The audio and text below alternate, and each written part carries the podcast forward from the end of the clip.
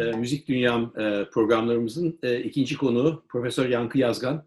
E, en eski arkadaşlarımdan biri. Hayatta Yankı günaydın, hoş geldin. Merhaba, merhaba Cem. Ee, bu böyle bir ortamda beraber olmak da bana heyecan veriyor. Ne kadar e, çok eski bir dostluğumuz da olsa böyle bir e, kendimi şey hissediyorum bir de müzikle ilgili bir konuda e, konuşacak olmak heyecanlıyım. Valla ben psikiyatriyle ilgili konuşmayacağım merak etme. Ancak birkaç top atacağım. İstemeden konuşabilirsin ama. Evet, belki de sürekli etmeden. Aklında olmadan. Evet, e, Yankı Yazgar bir çocuk psikolojisi e, uzmanı e, ve üniversitede e, bir e, tıp fakültesinde e, profesör e, ama emekli yaşından başından göreceğiniz üzere. Evet, e, aynen öyle. Fakat e, çok aktif e, hala e, tıp hayatında. E, şimdi e, Yankı aslında bu programlar e, müzikle ilişkimizle ilgili. Yani müzikle bir şekilde, müziğin bir türüyle bir şekilde bir ihtiyaç, bir ilişki ihtiyacımız olması. Hemen hemen tanımayan bir, en azından öyle olmayan kimseyle ben karşılaşmadım bugüne kadar.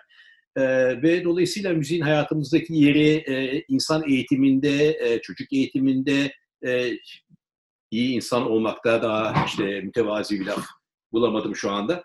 E, yani müziğin e, yaşamında özellikle e, belli bir yer, yani öne, önemli bir yer tuttuğunu bildiğim e, kişilerle bu sohbetleri gerçekleştirmek istedim. Onların, onların da başında sen geliyorsun, başlarında en azından. E, ve e, aslında müzikle ilişkin e, hayatın boyunca mesleğindeki değişimlerle de bağlantılı olarak bir şekilde değişti mi hiç? Yani derinleşiyor hepimizin müzikle ilişkisi her yıl derinleşiyor. Onun dışında ha bu müziğin veya müziğin kendisinin yaşamımda veya insanlara veya psikolojiye bakmakta veya mesleğimde bakmakta bakışında bir değişiklik oldu yıllar içinde diyebileceğim bir dönem var mı veya genelde doğru mu bu? Çok net bir e, şey var aslında işaret ettiğin yani yaşam evrelerimle yani bu birçok insanda da benzeri şeye rastlıyoruz. Ee, insan ağız tadındaki değişiklik gibi müzikle de e, ilgili kavrayışım benim yani en azından kendi adıma söyleyeyim da bir değişiklik olduğunu biliyorum, e, hissediyorum. E, özellikle e, yani çocuk yaştan büyüklüğe doğru evrilirken hangi yaşta olduğuna bağlı olarak karşılaştığın müziğin zorluğunu aşma gücün değişiyor, artıyor. E, ben e, birazcık da seninle olan arkadaşlığımız sayesinde normalde karşılaşmayacağım bir sürü besteciyi e, dinliyorum mesela senin e, konserlerde ya da e, o beraber dinlediğimiz müziklerde. Hani e, o zorluğa dayanma gücümün çocukluktan bu yana çok fark ettiğini e, görüyorum ama bu şeye benziyor. Hani terbiyeli etli kereviz yeme e, gücünün insanın çocukkenki haliyle 50 yaşındaki hali arasındaki fark gibi biraz. Evet yani senin bu yemek paraleli çok iyi aslında çünkü e, yani bu bildiğimi e, yani bildiğimi severim, severim, sevdiğimi bilirim konusu aslında müzikte de e, çok yaşanan bir şey ve aslında çok yazık bir ölçüde. Çünkü ben özellikle e, Akman Kod Orkestrası'nın hayatta olduğu yıllarda verdiğimiz konserlerde üstelik de evet. belli bir yaşın üstündeki e, dinleyicinin e, bile e, yani sevdikleri, zevkleri, tercihleri konusunda bir takım çok yerleşik e, şeylerin olacağını beklediğin dinleyicinin bile aslında e, daha yeniliklere daha açık olduğu, daha meraklı olabileceği, en azından ona bunu anlatma ve iyi çalma zahmetini gösterirsek hayatında olabileceği konusunda o kadar çok şey yaşadık ki ve şimdi aynı şekilde Cemal Reşit Senfoni Orkestrası'yla İstanbul'un ilçelerinde ilk defa senfonik müzik dinleyen insanlar, yani insanlar bilmediği bir şeyi bilmediği bir şeyi talep etmez. Ve o bakımdan dediğin evet. çok doğru yani şey olarak bu e, sürekli sürekli değişen bir şey. E, damak zevki gibi bir tadına bakma işi yani bir yandan da hani çocuklara da öyle olur ya bir, bir tadına bak hiç olmasa hani bir lokmaya e, usulünde. Evet. Bir de bir, bir de şöyle bir şey gördüm yani böyle çok basit ya da çok popülermiş gibi gözüken bazı müziklerin de e, görmediğim bir derinliği olduğunu hani hani böyle çok sevilen parçalar vesaire oluyor ya e, ya da hafif diye bilinen e, gözüktükleri gibi hafif olmadığını düşünüyorum bazılarında. Bir zaman içinde de gördüğüm oydu. E, yani aslında yani mesela şimdi birazdan çalacağımız parça gibi yani e, böyle hafif rahat melodik bir parça gibi gözükmekle birlikte bilmiyorum. Sen ben ilk senin sahnede çalarken de seni duyduğumda e, yani güçlü bir parça olduğunu hissediyorsun. Yani bazen bir şey basit olması güçsüz olduğu anlamına da geldi. Ha, kesinlikle. Kesinlikle. Beatles şarkılarını düşün. Yani son 50 yılın pop müziğinden ne kaldı ve 50 yıl sonra da hala dinleyeceğimizden hiç şüphem olmayan. İlk parça, evet ilk seçtiği parça yakının Libertango Astor Piazzolla'nın yüzlerce, belki daha da fazla versiyonu var. Onun sebebi de aslında çok cazip olması. Dediğim gibi müthiş bir albümisi olması. Tango olayı çok ilginç zaten. Tango'nun bu kadar evrensel bir cazibesi olması benim hep ilgimi çeken bir şey. mesela Türk tangosu diye bir şey var değil mi? Belirgin bir şekilde. Mesela evet. İngiliz tangosu diye bir şey olduğunu sanmıyorum. Fakat Türk tangosu diye tanımlanabilecek bir şey var. Ve ilginç olan yine Arjantin'de hiçbir ilgisi olmayan şeylerden biri e, bir ülkelerden biri Finlandiya. Fin, Fin tangosu diye bir şey var. Çok belirgin. Hatta çağdaş Finlandiyalı bestecilerin de çok e, rağbet ettiği bir şey. E, ben bir defa bir e, Finlandiyalı bir akordeoncuya sormuştum. Aulis Sallinen diye bir çok e, hala hayatta olan bildiğim kadarıyla e, çok iyi bir besteci var Finlandiyalı. Onun bir akordeon konçertosunda epey bir tangodan filan da faydalanmıştı ve bu arkadaş demiş ki yani ne alakanız var şimdi Arjantinlere Finlandiya yani buz gibi yer neden neden bu kadar cazip geliyor bu tango olayı size dedim. Ha biliyorsunuz bizim yani bizim ülkemiz soğuk. Biz de biraz böyle çekingen insanlarız. İşte biraz birbirimize böyle sarılma, birbirimize yakınlaşma için vesile falan olmuş herhalde. Öyle bir tutmuş gidiyor.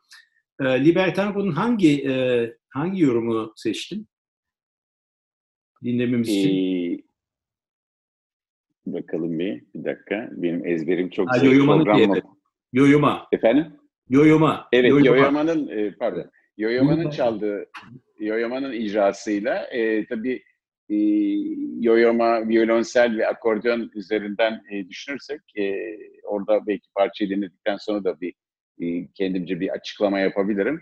Çünkü Yoyoma'nın e, coşkulu e, cello sesini ben hoşuma gidiyor. Yani oradaki coşku benim e, etkileyen bir yanı. Diğer yandan da bir e,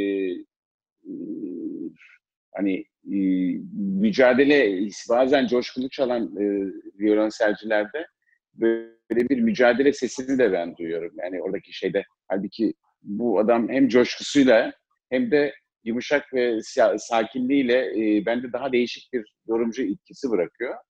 E, akordeon e, konusunda belki bir şey söyle, söylersem faydalı olur. Çünkü e, babam benim müzik zevkimin oluşmasında rolü olan bir kişi. Zaman zaman da bu programda ona e, göndermeler yapacağım ama babamın çaldığı birçok çalgı vardı. E, ama severek çaldığı çalgısı akordeondu. Çünkü babam akordiyonu bir tür e, çok sesli müziğin bir simgesi gibi de yaşayan ve çalan birisiydi ve e, bir klasik müzik e, aşığı, fanatiydi hatta.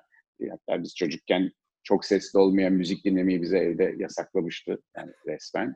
E, tek e, hani popüler olarak çalınan müzikte tangoydu. Babam da e, tangoya çok meraklı e, bir insan. 1927 doğumlu birisi. Ve e, tam da dediğin gibi Türk tangosu kavramını kendisi de o kadar benimsemiş. Klasik müzik dışında tek izin verdiği şey tango ve tango besteleri yapmakla gençliğini geçirmiş. Tango orkestrası kurmuşlar. O zamanın İzmir'in yakınında Aydın e, diye bir küçük bir kasabada, küçük bir il, e, il merkezinde e, konserler veren, işte e, toplumla beraber e, bir araya gelip şarkılar söylendiği, akordeonun akordeon çalındığı, davul, akordeon, keman ve şarkıcının olduğu gruplar kurmuşlar. Ve e, insanları dans ettirmişler. E, böyle bir e, şey. O nedenle bana e, tangon, burada bir e, yoyamadan bir tangoyu almamın e, sebebi de oradaki aslında e, akordeon ve cello beraberliği nedense bana böyle bir e, müziğe ilk ilgi duyduğum, babamın biz 3-4 yaşındayken akordeon alıp karşımızda çalmasıyla ilgili de çağrışımlar olduğunu söyleyebilirim.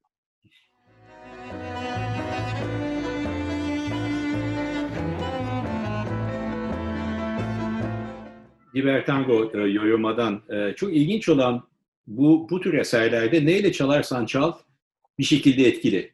Ben bunun büyük orkestra versiyonunu biliyorum, oda orkestrası versiyonu, işte piyanolu trio için, işte aklına ne gelirse işte akordeon ve violonsel mesela.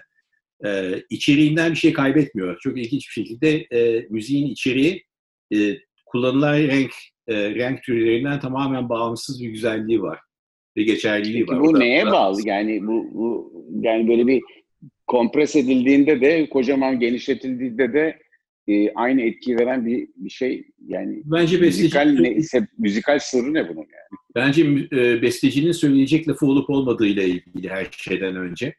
Ama müzik tarihinde de her zaman bir takım şeylerin e, farklı versiyonları olmuş. Özellikle barok çağda e, müziğin böyle hemen yarına yetiştirilmesi gereken bir şey olduğu yıllarda e, Vivaldi'de Bach'ta bunu özellikle görüyorsun. Bir keman konçertosu ertesi gün e, bir oboa konçertosu olarak karşımıza çıkıyor veya bir e, klavsen konçertosunda bir oboa konçertosunun bir bölümü kullanılmış oluyor.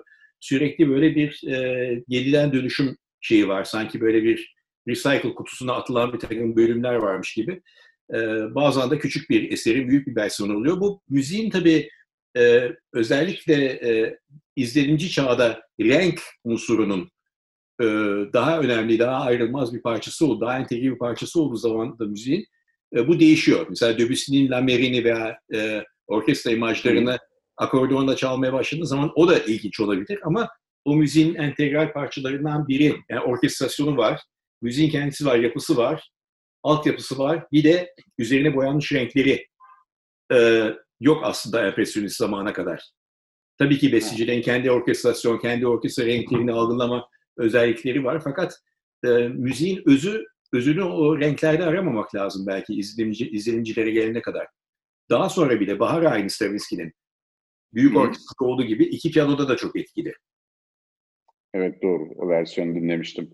E, hatta getirmeyi düşündüğüm parçalardan birisi oydu. Aslında böyle bir 5-6 tane parça seçmek de dünyanın en zor işi. Çünkü seçtiklerinden ziyade dışarıda bıraktıkları bir başına e, bir dert oluyor yani aslında bir insanın içine dert oluyor daha doğrusu. E, birilerine haksızlık yapmış olmak, e, ihmal etmiş olmak gibi bir duyguyu veriyor. O yüzden evet. bu listelerin en büyük problemi o. Ama Hatta en sevdiğin parçalar bile olmayabiliyor bazen yani. Özel bir manası olan parçalar diye biliyoruz. Tabii aynen. Yani şey bu seçtiğin ikinci parçada aslında tam bu konuştuğumuz şeyle ilgili. Çünkü Mussorgsky'nin bir sergiden tabloları e, her zaman e, Ravel'in orkestrasyonuyla bildiğimiz bir eser. Mussorgsky bunu orkestrasyon evet, yapmamış, piyano eseri olarak yazmış. E, ve daha sonra işte bu Büyük Rus Orkestra Şefi e, Sergei Kusevitsky'nin e, siparişi üzerine Ravel'in orkestrasyonu yaptı ve bugün hala en çok bilinen orkestrasyon. inanılmaz bir şey gerçekten. Yani o eserin öyle yazılmadığına inanmak başta çok zor. Birçok kişi şey demiş yani Mussorgsky e, orkestrasyonu pek iyi bilmediği için kendini, kendine güvenememiş, yapmamış. E, yapmayı istiyordu şüphesiz. O şey var, o laf vardı uzun zaman. Ya Mussorgsky tamam çok büyük dahi filan ama orkestrasyon bilmez işte. Tam zamanlı vodka içen bir adam. Boris Godunov, Boris Godunov operası bile e, orijinali elimizde olmasına rağmen 100 150 yıl boyunca e, Rimsky-Korsakov'un ve daha sonra Shostakovich'in e, versiyonuyla versiyonuyla çalınmış, icra edilmiş. Ya nasıl olsa bu anlamaz. Şimdi şimdi bakıyorlar ha o adamın da aslında kendine has bir renk dünyası var. Karanlık, böyle pasteller, çamur gibi zaman zaman ve istediği o, onu görüyorsun adamın. Ee, şey öyle, e, Çıplak Dağda Bir Gece yıllarca ya bunu demiş olamaz. Rimsky Korsakov'un bunu temizlediği versiyonunu, anlaşılır versiyonunu çalıyor. Hayır çok tuhaf bir adam o ve öyle yazıyor. Enteresan. Bu şeye benziyor. Bu e, aslında bu digitally remastered denen kayıtlar falan oluyor ya bazen. Hı hı. Hani bir tekrar elden geçirilmiş, temizlenmiş ama birçok kişi e, orijinal kaydın o hışırtısını hatta kayıt kusurlarını arayabiliyor. Ya da e, siyah beyaz çekilip renklendirilmiş fotoğraflar e, yine aynı şekilde hani renkle tekrar başka bir şey oluyor. Güzel de bir ürün oluyor ama orijinali aslında kötü olduğundan değil. Sadece belki yine bir ağız tadı meselesi. Bu Çin yemeğinin Amerika'ya gelip e, başkalaşmasında olduğu gibi herkes o Çin yemeğini biliyor. Çin'e gidince ya bu ne biçim Çin yemeği? Sonra Biz yaşamışızdır. Onun Çin'e gidip bu, bu muydu diye. Ee, bu şey... muydu yani? O şimdi Çin'e kimse şu ara gitmiyor ama e, gideceğiz nasıl? bir sergiden tabloların aslında çok, e, çok e, gerçekten birden fazla ilginç e, tarafı var. Mussorgsky gerçekten yabana atılır gibi bir adam değil. Son zamanlarda Debussy ile ilgili okuduğum yeni bir kitapta Rus müziğiyle bağlantısı ve Mussorgsky'den birebir etkilendiği şeyler var. Gerçekten adam çok ufku çok geniş, çok ileriyi gören bir adam. Ve şey de evet. sergiler tablolar da şey olarak yani zaten bütün kavram işte bir arkadaşının sergisinde tablodan tabloya yürüyor ve e, aralarda promenadlar var dediği gibi işte. Her defasında. Yani mesela o promenad fikri çok güzel bir şey. Yani, Hep aynı değil. Ve biraz farklı hep. Evet. Çünkü bir resimden bir yerine giderken duyduğun, duyduğun promenadla o resimden diğerine giderken duyduğun farklı. Ve e, bu resim aslında e, seçmemizi dinlediysen bu Baba Yaga'nın şeyi, kabanı ve kabini ve şey e, bu e, son bölümü aslında bağlanıyor. O Kiev'in muhteşem büyük kapısı bölümüne bağlanıyor. Fakat e, gerçekten bizim bunu Türkiye Gençlik Filarmoni Orkestrası'yla çalmıştık ve özellikle Gençlik Orkestrası'nın enerjisi o benim 14 yıllık Tukfo serüveninde unutamadığım şeylerden biri bu. E, aradaki hafif müzikten sonra tekrar baştaki o pam pam bunun gelişindeki o gencecik violonselci ve violon ve kontrbasçılarının gözünün içine bakıp onu ya müthiş bir şey, tüyler ürpertici. Çok coşku yaratan bir şey. Ben de bu benim bir çocukluk e, yine anısı benim için. Çünkü bunu e, yine bir e, sanırım e, bizim evde yani babamın ciddi bir plak koleksiyonu vardı ve bir kısmı da Sovyet plaklarıydı bunların. Melodia diye bir şirket böyle e, ben de Rus alfabesi harflerini o plakların kapaklarına bakarak e, öğrendiğimi hatırlıyorum. E, bu eser yine o Melodia plaklardan birisinde vardı onu koyuşumu hatırlıyorum. Ve bu Baba Yaga'nın dansı aslında tam adı da biraz farklı değil mi? Bir e, şeyin ne derler e, bu bir e, halk inanışında olan bir şey bu. Bir tür orman cin falan gibi bir şey diye isim geliyor Baba Yaga için. Tavuk ayakları üzerindeki kabin diye de bazen. Evet tavuk ayakları üzerinde değil mi? Hatta Chicken's Legs diye listelenmiş. Yani Öyle. Baba Yaga diye geçişi Baba Yaga'nın koda da aslında bir çeşit parçanın. E, Baba Yaga'nın dansı diye ve orada Baba Yaga'yı babam işte bana söylediğinde işte şimdi bu da Baba Yaga'nın dansı vesaire diye kafamda canlandırdığımı hatırlıyorum. Ve senin dediğin gibi hala e, enteresan bir şey. İnsanda o hani dedik ya dinlediğimiz müzik zaman içerisinde üzerine katmanlar ekleniyor. Ben hala bir resim sergisine ya da bir müzeye gittiğimde e, şey yapıyorum. Yani sanki zihnimde o eserden esere geçişte bazen hızlı bazen birini bypass geçip gidiyoruz. Bu o promenat müziğinin bazen çaldığını hissettiğimi e, söylemeliyim yani. E, bir tür e, müze veya sergi soundtrack'i gibi. Evet, aynen. Kimden yorumumuz? Bir çocuğun bir çocukta bir coşku e, yaratacak e, bir müzik olması sebebiyle mesela çocuklukta çocuklarda o enerjiye uygun hani bir çocuk çalgıcılar çaldığında da çocuk e, senin orkestranda çocuk olmayan ama gençler çaldığındaki sen coşkuyu anlattın. Dinleyici çocukta da o çocuğun e, enerjize edilmeye açıklığının e,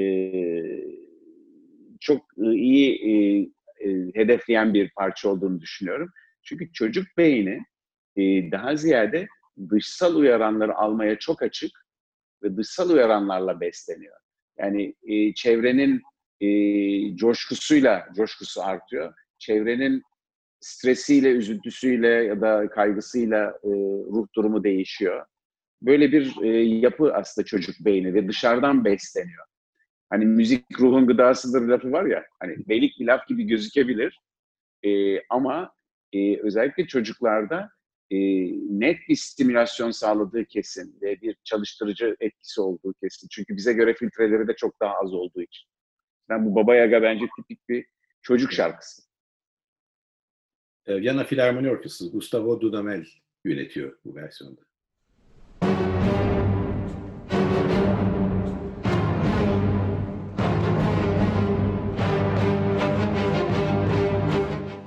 böyle büyük orkestra konserlerine bir daha e, ne zaman gideceğiz, ne zaman çalacağız, ne zaman yöneteceğiz. E, onun çok e, uzun göründüğü bir dönemde ben biraz şeyi konuşalım sizin aslında bu.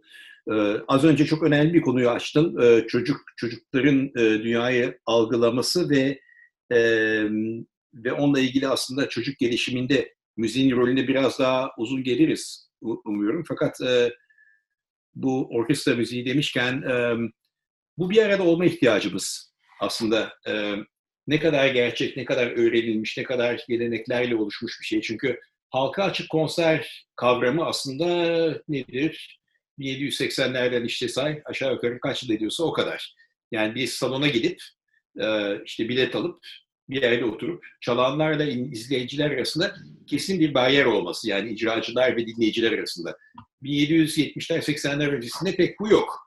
E, ancak bir salonda falan oturuyorlar değil mi? Dinleyiciler orada oturuyor. Özellikle küçük gruplar için yazılan bir şey. E, müzik sizler için bestecileri koruyan, e, destekleyen ya da kilise için e, yani böyle büyük e, okazyon böyle şey halka açık okazyon şeklinde özellikle performans, müziğin salt müzik performansı olarak bu aydınlanmayla birlikte belki bu bir ihtiyaç e, haline geldi.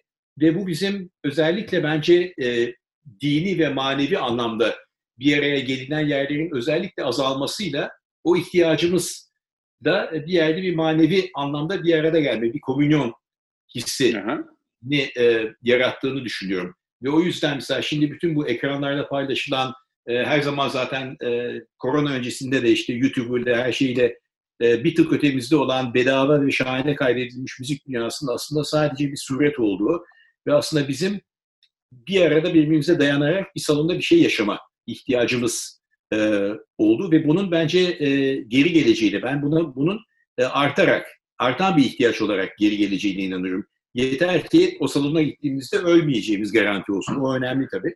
E, fakat e, çözüm bulur herhalde. Evet ama şey nedir yani bu insanların bir arada bir şeyi yaşama ihtiyacıyla ilgili acaba senin mesleki e, hı hı. tercihinle bir şey söyleyebilir misin? Ee, aslında e, bizim alanın yani psikiyatri, psikoloji bu alanın e, en e, temel konularından, odaklarından birisi bu. E, birbirimizle ilişki kurma arzusu üzerinden aslında birçok şey gidiyor. Yani bu arzunun gerçekleşememesi üzerinden gelişen e, problemler, bunun e, olmasının e, sağlayan mekanizmaların gelişmemesine dayalı çocukluk çağındaki problemler. Örneğin e, başkasıyla bir arada olma, başkasını anlama ve başkasına anlatma arzusu aslında çocuğun doğuştan itibaren var olan bir e, bir tür refleksi. Bir çocuğun ilk yaptığı işlerden birisi önce çevreye şöyle bir bakmak ve bir insan yüzü aramak. İnsan yüzü ve insan sesi aramak.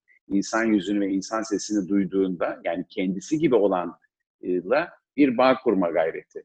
Ve bu bağ kurma gayreti önce bir çocuk anne ilişkisinde tabii gördüğümüz e, bir araç ama o bağ kurma gayreti sayesinde e, ve o yüzden örneğin dil gelişiminin gerçekleştiğini biliyoruz. Çünkü dil gelişimi e, mesela otizm spektrum bozukluğu tanısı koyduğumuz çocuklar bazı bu gelişimin aksadığı çocuklarda dilin gelişme kapasitesiyle ilgili bir mesele yok. Yani dil gelişme kapasitesi genellikle çoğunda e, sağlam diyelim. Hani bozulmamış olarak dünyaya geliyorlar. Ancak eksik olan o dili kullanma arzusundaki düşüklük. Buna sosyal ilişki arzusunun zayıflığı şeklinde de görüyoruz. Ve bir tür e, o sosyal gelişim, e, sosyal ilişki arzusu bizi birçok konuda e, motive ediyor. Başkasıyla birlikte olma, o yüzden içimizden gelen tam senin dediği gibi bunun ortadan kalkması e, hani insan tanımının tamamen değişmesi anlamına gelecek olan bir şey. E, o nedenle o bu temel dürtülerimizde bizim tabii zaman içerisinde kültürle e, ve yaşla ve zamanla evrilerek örneğin müziği beraber dinlemek gibi ya da bir dediğim gibi ibadeti beraber yapmak gibi bir e, yemeği beraber yemek. Yani bir sofrada beraber oturmakla e, aynı e, birkaç kişi olsan bile, büyük bir grup bile olduğunda bile oradaki tadı ve lezzetinin farklı olduğunu görüyoruz. O nedenle bu arzu en temel insani arzulardan birisi. Başkasıyla ilişki kurma arzusu ve başkasıyla birlikte olarak bazı şeyleri yapma arzusu. Bu çalışma hayatı içinde böyle. Yani insanın hani Freud'un Freud'a yakıştırılan temel insani e, iki özellik nedir diye düşündüğümüzde onun cevap e, cevap e, üzerinden gidersek sevmek ve üretmek. Bu iki e, işte sevmek için yani bir insan sevmek gerekiyor. Yani tabii çok kendini herkesten çok sevenleri ayrı tutuyorum. ama başka birini sevmek ve başkaları için bir şey üretmek. Aslında biz her ne kadar kendimiz için üretiyorsak bile ürettiklerimiz başkaları dinlediğinde bir mana taşıyor. Yaptığımız resim başkası baktığında resim e, mana taşıyor. O yüzden başkaları olmadan biz bir hiçiz. E, ve başkalarıyla birlikte olacağımız e, koşulları yaratmak için e, elimizden geleni yapacağımızı sanıyorum. Korona veya her neyse ondan sonra gelecek onun şartlarında. E, çocukların yani mesela bu e, dilini e, di, kullanmasına hiçbir e, engel olmayıp da o ihtiyacı hissetmeyen e, çocukların gelişiminde ve genelde aslında müzik terapisiyle benim merak ettiğim yani çok fazla bilmediğim şey var. Fakat genelde terapi kavramının içine müzik terapisi de şekilde oturuyor. E, ne kadar inandırıcı bir şekilde oturuyor sizin yani tıbbi anlamda bakınca. Bir de tabii bu e, çocukların gelişiminde e, bu daha sonra da konuşabiliriz bunu. E, çok fazla müziksiz geçirmemek için ama şey yani müziğin müziğin bu geliştirici rolü birebir yaşadığın örnekler var mı veya ne kadar kullanılıyor? Yani bunu bence yetişkinlerde müzik terapisi dediğimiz şeyden ayrı tutuyoruz. Çocuklarda müziğin belli bir takım gelişim aksaklıklarını ya aksaklık olması da şart değil. Çünkü benim gözlemlediğim müziğin aslında çocuklarda bir şekilde e, yetişkinliğe bir kısa yol bilgisayar e, diliyle kısa yol oluşturabilmesi. E, mesela Doğru. bir tek müzikte bu derece e, e, tanık olduğumuz harika çocuklar olayı. Kimse oturup e, çok derin bir romanı okumuyor 6 yaşında veya yazmıyor. Mü, müzikte olabiliyor bir tek bunun muadili. Dolayısıyla bu bir e, yetişkinliğe bir kısa yol olarak bize içgüdüsel olarak ancak yetişkinlerle ilişkilendirebileceğimiz duyguların ve tecrübelerin müzik yoluyla çocukların dünyasına dahil edilebilmesi gibi bir şeyin aslında bence kanıtına gerek yok. Bu olabiliyor. Fakat bunun tıbbi bir açıklaması veya e, kullanım alanı var mı? Yani şöyle bir şey, yani tabii e, bu bir yeteneğin, yani bu özel yetenekleri olanlardan gidersek, yani aslında şu anda çevremize baktığımızda ismi aklımıza gelen Türkiye'den veya başka ülkeden herkesin yeteneklerinin çok büyük bölümü için söylüyorum tabii ki bunun istisnaları var. Ee, oldukça erken yaşta çıktığını görüyoruz. Ee, kendini gösterdiğini ee, ve küçük yaştan itibaren iyi bir müzisyen birçok çocuğun, icracının e, olmuş olduğunu e, görüyorsun. Ve dediğin gibi diğer yandan e, burada şöyle bir şey var. Yine yaptığının e, tadına varma kısmı yaptığının tadına varma. Örneğin biraz önce bahsettiğim e, gelişimsel bozuklukları olan bazı çocuklarda çok küçük yaştan örneğin bütün bir e, sonatı e, sadece dinleyerek, ezberlemiş olarak ve aynısını 4 yaşında bir çocuk için mesela söylüyorum. Piyanoya oturduğunda aynısını çıkartma becerisinin olduğunu görebiliyoruz. Diğer yandan bu çocuğun yaptığından zevk alabilirliğinin e, sınırlı olduğunu, iki, e, yani o ilişki boyutunu geliştirmemişse çocuk küçük yaşta, müzikle ilgili e, o replikasyonu, yeniden üretimi yapabilse bile ne zevk almayı ne de zevk vermeyi önemsemediğini, yani onu bir ilişkinin bir parçası olarak kullanmadığını görüyoruz. Bazı e, o nedenle sosyal ilişki ve iletişimle ilgili kısmı iyi gelişmemiş bireyde müzik yeteneği izole bir e, anomali halini bile alabiliyor bazı durumlarda. Bu şeye benzetmek istemiyorum. Yani mesela 5 yaşında sakalımızın çıkması gibi bir şey değil müzik yeteneği tabii ki. Hani bir e, ya da 10 yaşında 1.90 boyuna ulaşmak gibi e, bir tür erken prematür büyümeden daha farklı. Özel yetenekleri de o nedenle birkaç gruba ayırıyorum. Yani bir hakikaten e, yani bugün 30, 40, 50 yaşında gördüğümüz çocukluğunda özel yetenek olarak yaşamış insanlar var. Bir de çocukluğunda özel yetenekli olduğu düşünülmesine rağmen sonrasında bunun kaybolduğu bireyler var. Evet. Şimdi orada ne oluyor diye baktığımızda, yani bu konuda bir eksper değilim bu arada. Hani daha çok öğrenmem ve anlamam gerektiğini düşünüyorum şimdi senin sorunu bir yandan düşünürken. Ama e, sosyal ilişkiyle ilgili, sosyal iletişimle ilgili nitelikleri gelişkin olan bireylerin o özel yeteneği aynı ölçüde olanlara göre mesela daha fazla performanslarının toplumda daha sevildiğini, kabul gördüğünü düşünüyorum. Yani bir tür e, dil, iletişim gibi beceriler sadece basit bir e, bir bilgisayar ya da robotun çalmasından farklı kılıyor. O bireyde nasıl cereyan ettiği, kendi kişisel kalitesini, hatalarını mesela eklemek. Örneğin hata yapmak, değil mi? Hatasız çalma diye bir kavram var.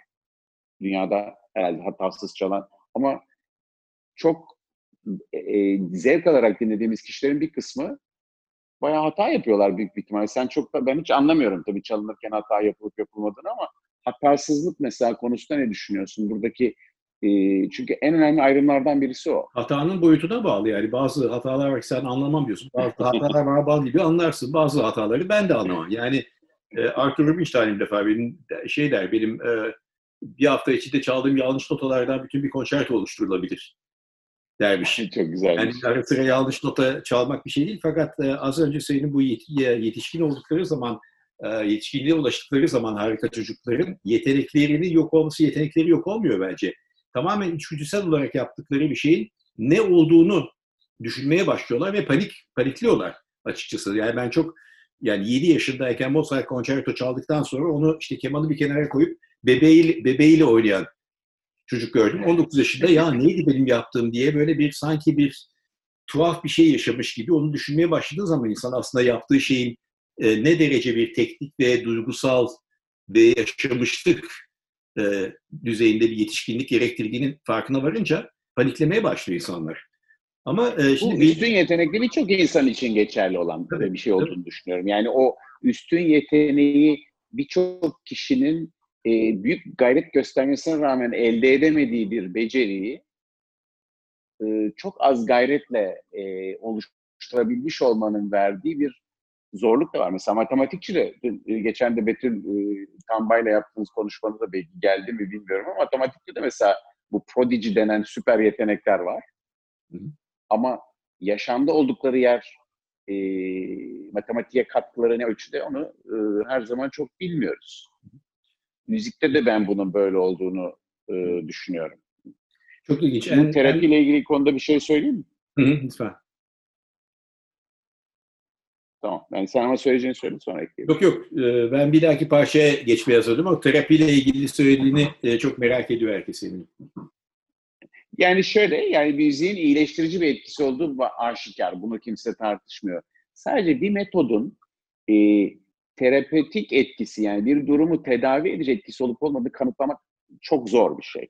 E, o nedenle müzik terapisiyle ilgili bu tür kanıtlayıcı yaklaşımlar çok sayıda değil. O nedenle böyle e, tıp, psikiyatri gibi çevrelerde biraz e, mesafeli karşılanmakla birlikte müziğin iyi geldiğinin tartışılacak bir yanı yok. Yani insana, Başka bir şey iyi gelmek tabii. Evet. Akıl sağlığı ile ilgili mesela e, Osmanlı Darüşşifalarında müziğin çalındığını ya da su sesinin Asklepion'da Bergama'ya gittiğinde su sesinin insana iyi geldiğini e, bizden çok önce yaşayanlar bunu bulmuş. Bunu sistematize etmekle ilgili zorluklar daha çok yaşanıyor e, müziği icra etmenin birçok kişiye iyi geldiğini e, görüyoruz. O nedenle ben e, çocukların bilhassa hayatında örneğin bir sesle başkaları için de anlamlı olabilecek ve kendisini de keyif alacağı e, bir şey üretebilmenin e, birçok gencin ruh sağlığı, çocuğun büyümesine katkısı var. Ama bu maalesef sistematik olarak bunu dökmek konusunda o kadar e, ileride değiliz, öyle diyebilirim. Evet. Ama müzik hayatında e, olan insanların ruh sağlığı bozulmaz diyebilir miyiz? Yok, bozulur. Çünkü ruh sağlığını bozucu bir sürü başka faktör var. Hani e, ama e, daha duyguların farkında, insan olduklarının farkında bir yaşam sürdürmelerine imkan verdiği e, konusunda bir mutabakat olduğunu söyleyebilirim. Yani o konuda mesela en etkileyici seçtiğim parçalardan e, bir sonraki Bach'ın e, Mateus Pastor'undan Erbarmedic e, aryası, merhamet et e, Tanrım aryası. E, bu e, özellikle yani inançlı, klasik anlamda inançlı olmayan, hatta Hristiyan hiç olmayan e, birinin hayatında ne kadar derin e, izler bırakabildiği bir takım eserlerin yine bir takım evrensel değerlerden, ihtiyaçlardan, e, ifadelerden yola çıktığı ve onlara aslında yol açtığı için e, bu dini normalde dini müzik olarak görece, göreceğimiz şeyler Mateus Passion gibi işte kilisedeki görevinde hayatının son 27 yılı çalıştığı işte Leipzig'teki e, St. Thomas Kilisesi'nde e, görevlerinden biri olarak yazdığı bu pasyonlar ve devasa eserler kocaman. Mateus Passion'da hatta iki orkestra, iki koro var. Böyle stereofonik efekt düşünmüş. Hmm. Sahnede, sağda ve solda. İki koro ve iki orkestra. E, ve şey e, ve çok ilginç gelen bu din, seçtiğin Erbar Mediş arası gerçekten belki bütün müzik tarihinin insanın en çok içini acıtan mı diyeyim yani yeni tabii sözcükler yetersiz kalıyor. E, fakat neyle ilgili olduğunu kısaca söylemekte fayda var. Bu havarilerden, e, Hazreti İsa'nın havarilerinden e, Peter, Pietro, Pierre, nece söyleyeceksek adını, e, onun e, üç defa İsa'yı tanıdığını inkar etmesi sonucunda duyduğu pişmanlığı dile getiren bir şey. Ve gerçekten o solo kemanla şancının e, bir anlamda bağımsız, bazen de böyle bir DNA sarmalı gibi birbirine geçen, birbirinden ba- bağımsız fakat bağımsız da hiçbir şekilde olamayacak gibi iki sesin e, e, birlikteliği gerçekten bambaşka bir kelimelerle yani iki iki farklı şeyi aynı anda bir kişi olarak konuşup anlam veremiyoruz ona. Müziğin önemi o bir bir Beethoven, bir Mozart operasında bir ansambl sahnesini duyduğumuz zaman 5-6 kişi sahnede farklı şeyleri söylese kimse bir şey anlamaz ve tam bir karmaşa olur. Fakat müzik bize... Ve Almanca bilmesek de anlıyoruz buradaki evet, bütün aynen. söylenenler adeta. Evet. Bu seçtiğin e, seçtiğin şeyin e, yorumun e, yorum Andreas Scholl muydu? E, bakıyorum. E, Ton Kopman'dı galiba. Ton Kopman şey mi diyorsun? Orkestra. Evet, Şarjı'nın kim olduğunu hatırlamıyorum. Bir parça onu dinleyelim gerçekten çünkü ses e, yerine kadar e, onu onu umarım herkes sonuna kadar dinler e, ve Mateus Passion'un geneli zaten e, inanılmaz inanılmaz bir şey. E, ilk baştaki korusunda bile, ilk dinlediğinde bile insan aman Allah'ım nasıl bir şey başlıyor. Müthiş bir şey yaşayacağız şu bir saat, bir buçuk saat. Ve bu onun gerçekten doğru noktalarından biri.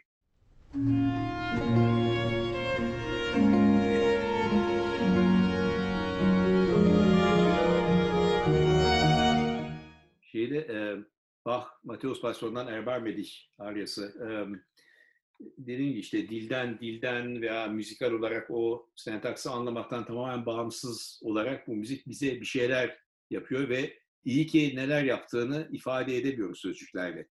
Ee, yoksa biz işsiz kalacaktık herkesten önce. Ancak müzikle anlatılabilen bir şey oluyor. Yani titreşim var. deniyor ya, titreşim, evet. hani güzel titreşimler e, hakikaten yani bir titreşim olduğu kesin. Yani o titreşimin e, hatta bu konuda yapılan e, çalışmalarda daha çok hani nörobiyoloji alanında yapılan çalışmalar daha çok beyin dalgalarındaki değişimi takip etmeye çalışarak ne oluyor ne bitiyor e, anlamaya çalışan e, gerek Türk sanat musikisi, klasik Türk musikisiyle yapanlar da var. Orta Asya Türk parçalarıyla bunu deneyenler var. E, aslında müzikle beynimizin işleyişi arasında e, ilişkiyi arayan çok sayıda çalışma ve birçok yayın da var e, baktığında. Biraz önce çocuklarla ilgili konuşurken mesela müzik icrası hani normal insan gelişimi sadece bir tedavi aracı diye düşünmeden örneğin iki elle iki eli kullanarak ve on parmağımızı kullanarak yapılan her şey hani daktilo yazmayı da öyle diyebiliriz belki ama burada e, orada da kelimeler çıkıyor. Burada da çaldığında ve ikisini bağımsız birbirinden hareket ettirmeyi öğrenmek e, ciddi bir e, iki beyin yarım küresi arasında çünkü her iki elimizi her bir eli diğer zıt yöndeki beyin yarım küresi kontrol eder. Bunlar arasındaki iletişimi de arttırıyor. Çünkü iki beyin yarım küresinin arasında corpus callosum adlı bir yapı var. Corpus callosum'un müzikle uğraşanlarda, piyanistlerle yapılmış çalışmalar var. Özellikle 90'larda Steinmetz adlı bir araştırmacının e, anatomik yapıda e, farklılıklar oluşturduğunu ve bu oluşturduğu farklılığın daha ziyade beyindeki trafiğin hücreler arası e, ya da bölgeler arasındaki trafiğin daha akıcı olmasını sağladığını göstermiş e, durumda. Ve beynin elin çünkü ellerimizin ve dilimizin beyinde kapladığı yer vücudumuzla orantısız. Yani neredeyse beynin yüzde sekseni el ve dil üzerine kurulu. Kalanı da diğer organlarımıza ayrılmış vaziyette. Bunu bilmiyordum. e, ve böyle baktığın zaman bu, bu kontrol mekanizmalarını elimizle yapılan ve müzikle birlikte olduğunda e, ki o aktivite değiştirici olduğu e, tartışmasız. O yüzden mesela bir yetenek olmak üzere değil müzikle uğraşmanın e, bir e, insan faaliyeti olarak yapılması gibi düşünüyorum. Bir de biraz önce şey dedi ki küçük yaşta yeteneğin orta, ortaya çıkması. Mesela benim bildiğim ama sen böyle çok küçük yaşta büyük bir müzik yeteneği olarak ortaya çıkmış birisi değilsin yani değil mi? Dinleyiciler ben özellikle, ben, ben özellikle çıkmamış olması konusunda bir istisnayım. edilebilecek bir örneği. Yani e, o yüzden hani küçük yaş vesaire konusunda bazen çok takılınıyor. Eyvah fırsatlar kaçtı artık şey diye. E, bir kenarda duran ve hani e, zamanı henüz gelmediği için ortaya çıkmamış beceriler de olabiliyor bireylerde. Tabii.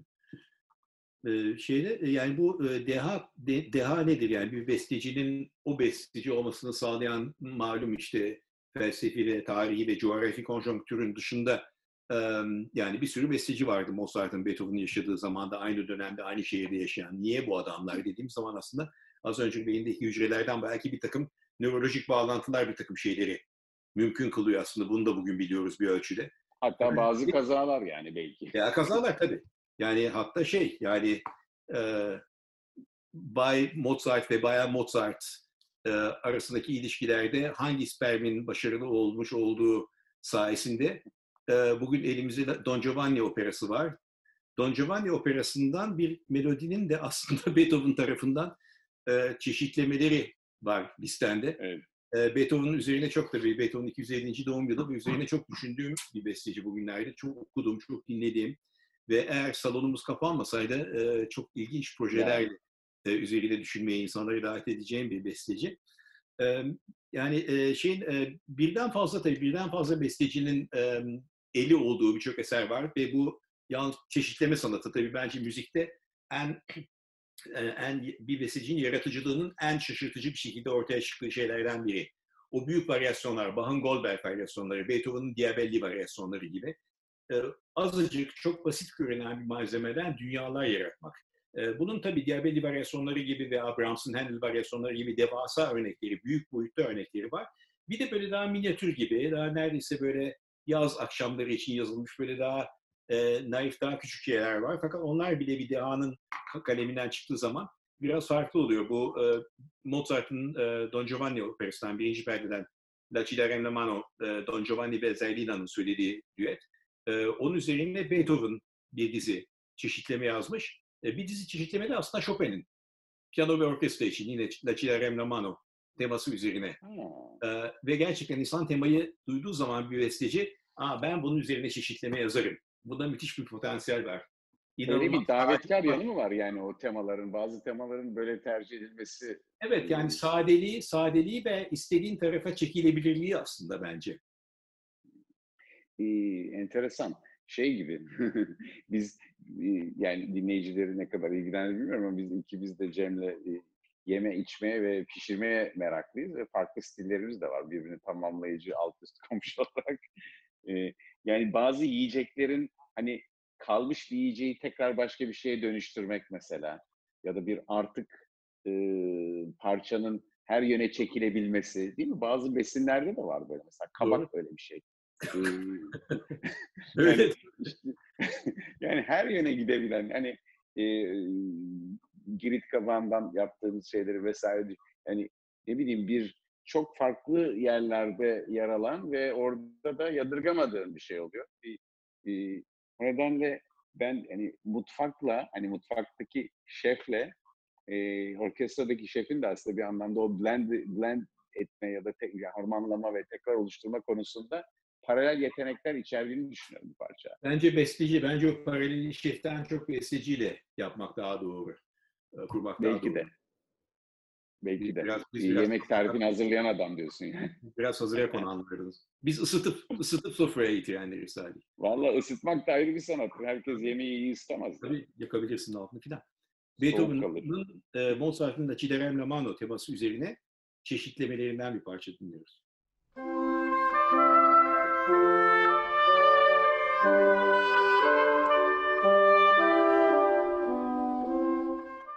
Operayı izlerken bence ilk, ilk defa izleyen bile Don Giovanni'nin bu ilk melodiyi söyleyişinde ya bu kız bu adamla gidecek galiba kaçar yolu yok diye hissettiren şeylerden biri. O kadar Onu o kadar söylüyor yani. Evet.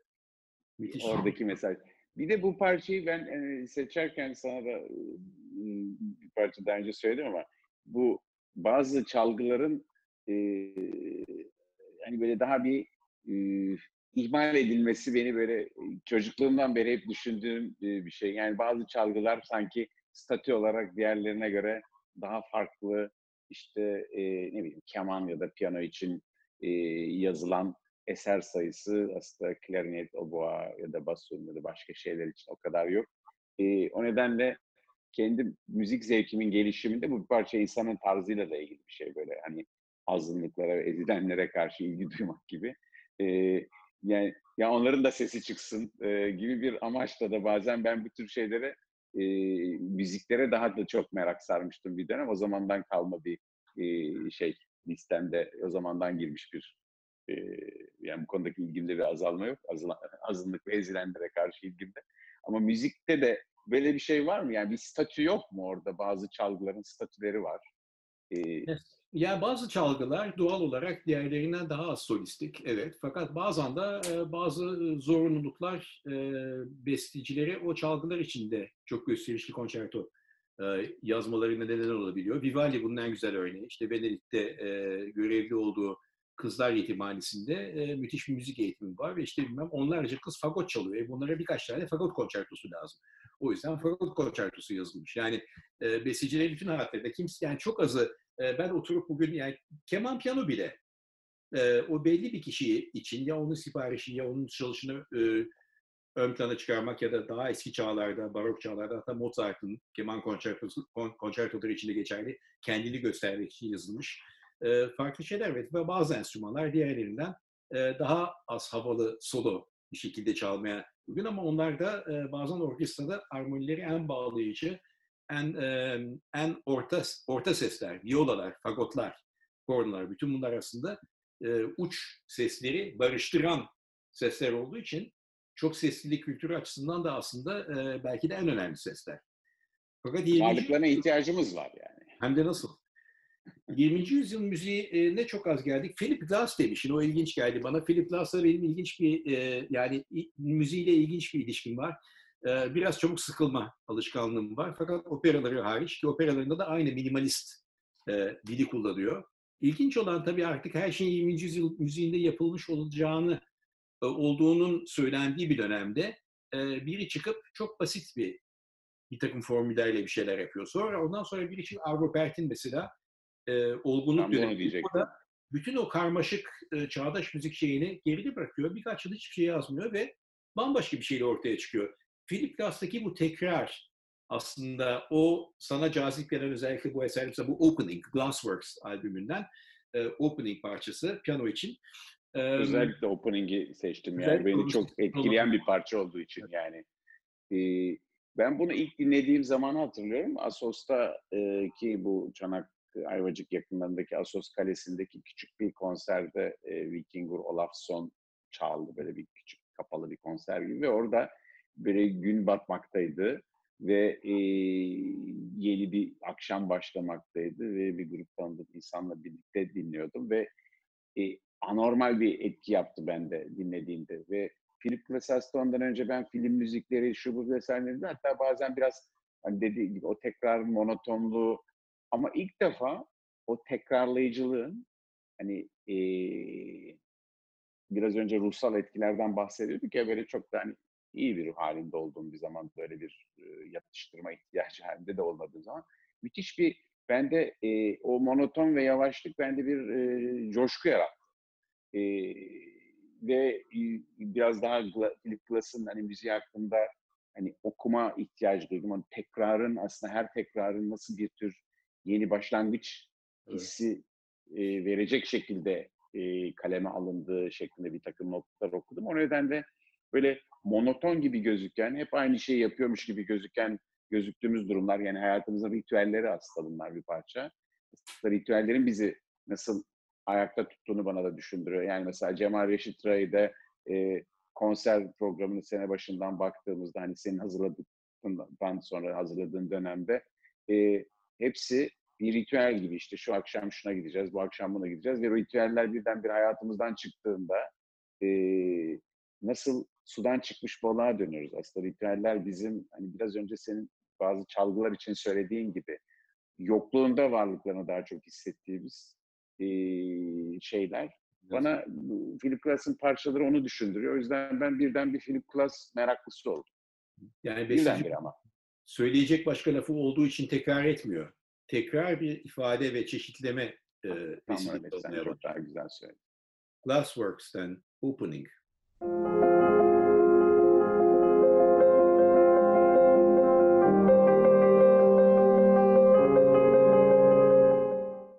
Brahms'a geldik. Ee, ben e, Brahms'ı sev sever misiniz diye bir film var. İzlemişimdir. Evet, bu parça da zaten aslında evet. e, oradaki e, tema müziği 1961 yapımı. E, ve e, işte Ingrid Bergman, Anthony Perkins, E. Montan falan böyle bir takım oyuncular. Evet. Ben o filmi Çok çarpıcı bir film. Ben o filmi ilk 1980'lerin sonunda e, Romanya'da, Köstence'de bir sinemada oynadığını gördüm. Hadi ben bunu hep görmek istiyorum ve gittim. Ve çıktığımda şunu hatırlıyorum. Yani film yapımcısı veya rejisör olsaydım ve bir tane film yapacak olsaydım bu filmi yapmış olmak isterdim. O kadar her şeyle bir şey anlatmasıyla, e, kendine e, özgü bir, bir stil e, tutturmasıyla, e, müziğiyle, diyaloğuyla, oyunculuğuyla ha işte olmuş e, dediğim filmlerden biri. Orada 3. senfoninin tabii üçüncü bölümü e, malum. E, o ilginç yani onu e, sen filmle bağdaştırarak mı onu? E, evet filmle bağdaştırarak. Filmi de seyre, filmin de şöyle bir şey yani aslında film bir sürü güzel film seyrediyoruz. Dediğin gibi bizde e, yani e, ya da güzel müzikleri olan bir sürü film var. Hani severek e, filmle anlam kazanmış bir müzik ya da müzikle kazan anlam kazanmış filmler var.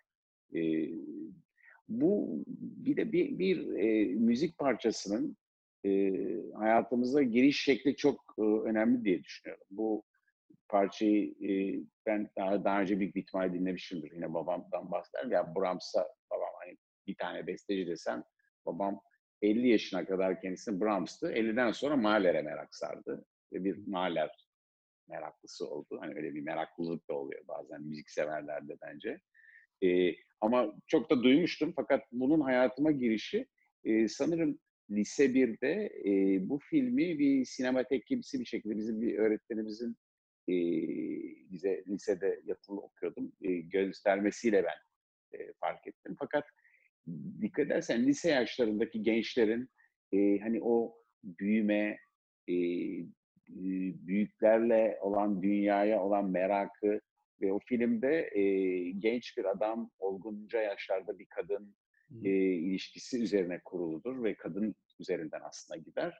E, ama birçok genç gibi herkes, insan kendini orada filmdeki biriyle ben de acaba bir gün birini bu kadar çok sevebilecek miyim ya da bu böyle bir böyle acılar çekecek miyim diye düşündüğümü e, hatırlıyorum. Yani bu müzik bende e, hem sevmeyi hem de sevmek sevmenin doğal parçası olan acı çekmeyi e, zihnime kazıdı yani.